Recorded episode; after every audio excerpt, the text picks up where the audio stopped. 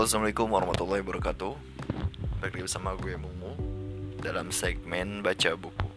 Oh ya sedikit introduce ya. Untuk segmen baca buku ini Gue akan membacakan sebuah buku Bagian um, berjudul lah Atau beberapa bagian dari buku itu Yang menurut gue ini menarik banget buat diketahui oleh teman-teman semua ya. Bukunya bisa beragam ya Bisa tentang parenting Bisa tentang apa namanya motivasi kehidupan tentang bahkan juga tentang uh, agama dan lain sebagainya yang mungkin uh, menarik untuk di sharing kepada teman-teman gitu ya. Kali ini bukunya dengan judul Pre-Marriage Talk. Uh, penulisnya adalah Nida Muti Atifa dan Sarah Fauziah Bahri. Judulnya adalah Membesarkan Anak Tanpa Gawai. Ya, gawai ini gadget ya. Oke. Simak baik-baik. Kita ambil pelajarannya. Tulisan ini bukan untuk mengklaim bahwa gaya pengasuhan sayalah yang terbaik. Bukan pula menyudutkan ibu yang memberikan gawai pada anak-anak. Tulisan ini adalah murni keinginan saya untuk berbagi dan menyemangati. Apa pun pilihannya, pastikan pilihan itu bisa kita pertanggungjawabkan di hadapan Allah. Saya memilih tidak memberikan si kecil Yasmin dengan gawai karena saya yakin itulah yang terbaik untuk tumbuh kembangnya. Kalau ditanya, bagaimana caranya punya anak zaman now tanpa gawai? Kegiatan apa yang menyenangkan untuk anak? Oke, berikut adalah beberapa uh, penuturannya ya. Yang pertama adalah Gawai bukan pilihan bermain kami. Poin ini membuat kami yakin bahwa permainan yang jauh lebih seru dibandingkan menonton video YouTube. Poin ini membuat kami yakin bahwa permainan yang jauh lebih seru dibanding menonton video atau YouTube. Bunda Eli Risman, psikolog anak, panutan saya, pernah mengatakan bahwa permainan terbaik adalah yang tidak menggunakan mainan. Loh kok gitu? Ya, badan orang itu Allah yang menjadi mainannya. Dan mainan tersebut adalah mainan yang terbaik. Misalnya, ajak si kecil bermain kuda-kudaan dengan mengendarai punggung ayah, bermain kejar-kejaran, bermain petak umpet, dan sebagainya. Ada banyak sekali permainan yang bisa kita lakukan. Bahkan permainan cilukba yang bisa dimainkan oleh siapa saja adalah salah satu permainan terbaik untuk merangsang perkembangan bayi.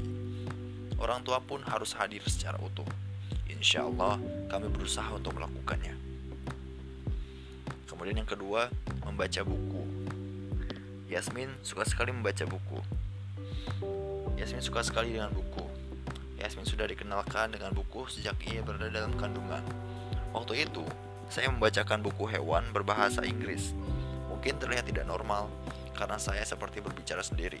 Namun, itulah ikhtiar saya agar kelak Yasmin mencintai buku cinta belajar, dan cinta pada ilmu pengetahuan. Membaca buku terus berlanjut sejak Yasmin lahir dan bertumbuh. Semua hal yang ia ketahui didapatkan dari buku dan dari pengalaman nyata. Contohnya, seperti berkenalan dengan hewan-hewan, kucing, ayam, bebek, burung. Semua, semua hewan itu ia kenal dari buku. Tidak ada hari tanpa membaca buku. Yasmin tumbuh menjadi anak dengan perkembangan bahasa di atas usianya, atas izin Allah. Kalaulah boleh saya merunut, hal tersebut bisa dicapai karena stimulasi dari buku yang sangat banyak dan dia hampir tidak pernah terpapar dengan gawai. Membaca buku menurut saya adalah permainan paling murah dan paling mudah untuk kami. Jenis buku apa pun tidak masalah, selama isinya baik, insya Allah akan menjadi pilihan kami kami tidak selalu membeli buku yang sedang tren atau buku-buku terbitan terbaru.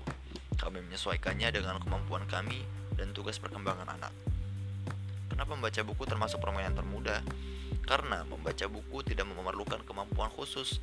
Membaca buku bersama anak hanya membutuhkan niat dan kehadiran orang tua secara utuh untuk anak. Ya, hanya itu. Bacakan sebahagia dan seseru mungkin. Alhamdulillah. Lalu yang ketiga adalah memilih mainan edukasi sesuai dengan usianya. Dulu, pada usia sekitar satu tahun, ada masanya saya dan suami pergi ke toko mainan. Bukan toko mainan mahal memang, tetapi kami merasa bahwa hal itu adalah salah satu bentuk kasih sayang kami sebagai orang tua. Jadilah kami sering membeli mainan untuk Yasmin. Padahal, anak tidak selalu memerlukan banyak mainan loh. Apalagi kalau kita memaksakan diri untuk membeli mainan yang mahal. Bagi anak kecil, semua benda bisa menjadi mainan. Toples plastik dan centong nasi kayu bisa menjadi mainan pukul-pukulan yang menstimulasi motorik halusnya. Ruangan yang tidak memuat terlalu banyak barang bisa menjadi media stimulasi merangkak bayi untuk kecerdasan spasialnya. Akhirnya, seiring dengan pertumbuhan Yasmin, jika saya membeli mainan, itu pun hanya ketika saya membutuhkannya sebagai penunjang. Yasmin menyukai mainan meronce, puzzle, menyusun balok, dan Lego. Suatu hari, Yasmin pernah berimajinasi bahwa papan puzzle adalah papan penggilis penggilasan untuk mencuci baju. Intinya, banyak permainan yang bisa kita lakukan dengan anak. Memang kerepotan adalah hal yang tidak bisa dimungkiri. Tapi, karena ini sudah menjadi keputusan saya, maka saya menerima kerepotan yang membahagiakan ini. Lalu yang keempat, memperbanyak aktivitas fisik. Aktivitas fisik adalah salah satu kebutuhan anak. Aktivitas fisik banyak sekali manfaatnya untuk anak.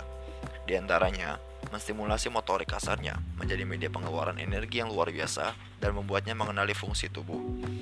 Aktivitas fisik biasanya disesuaikan dengan usia anak. Ketika sedang fase merayap, maka perbanyaklah merayap. Saat fase merangkak, perbanyaklah merangkak. Saat fase berjalan, banyaklah berjalan.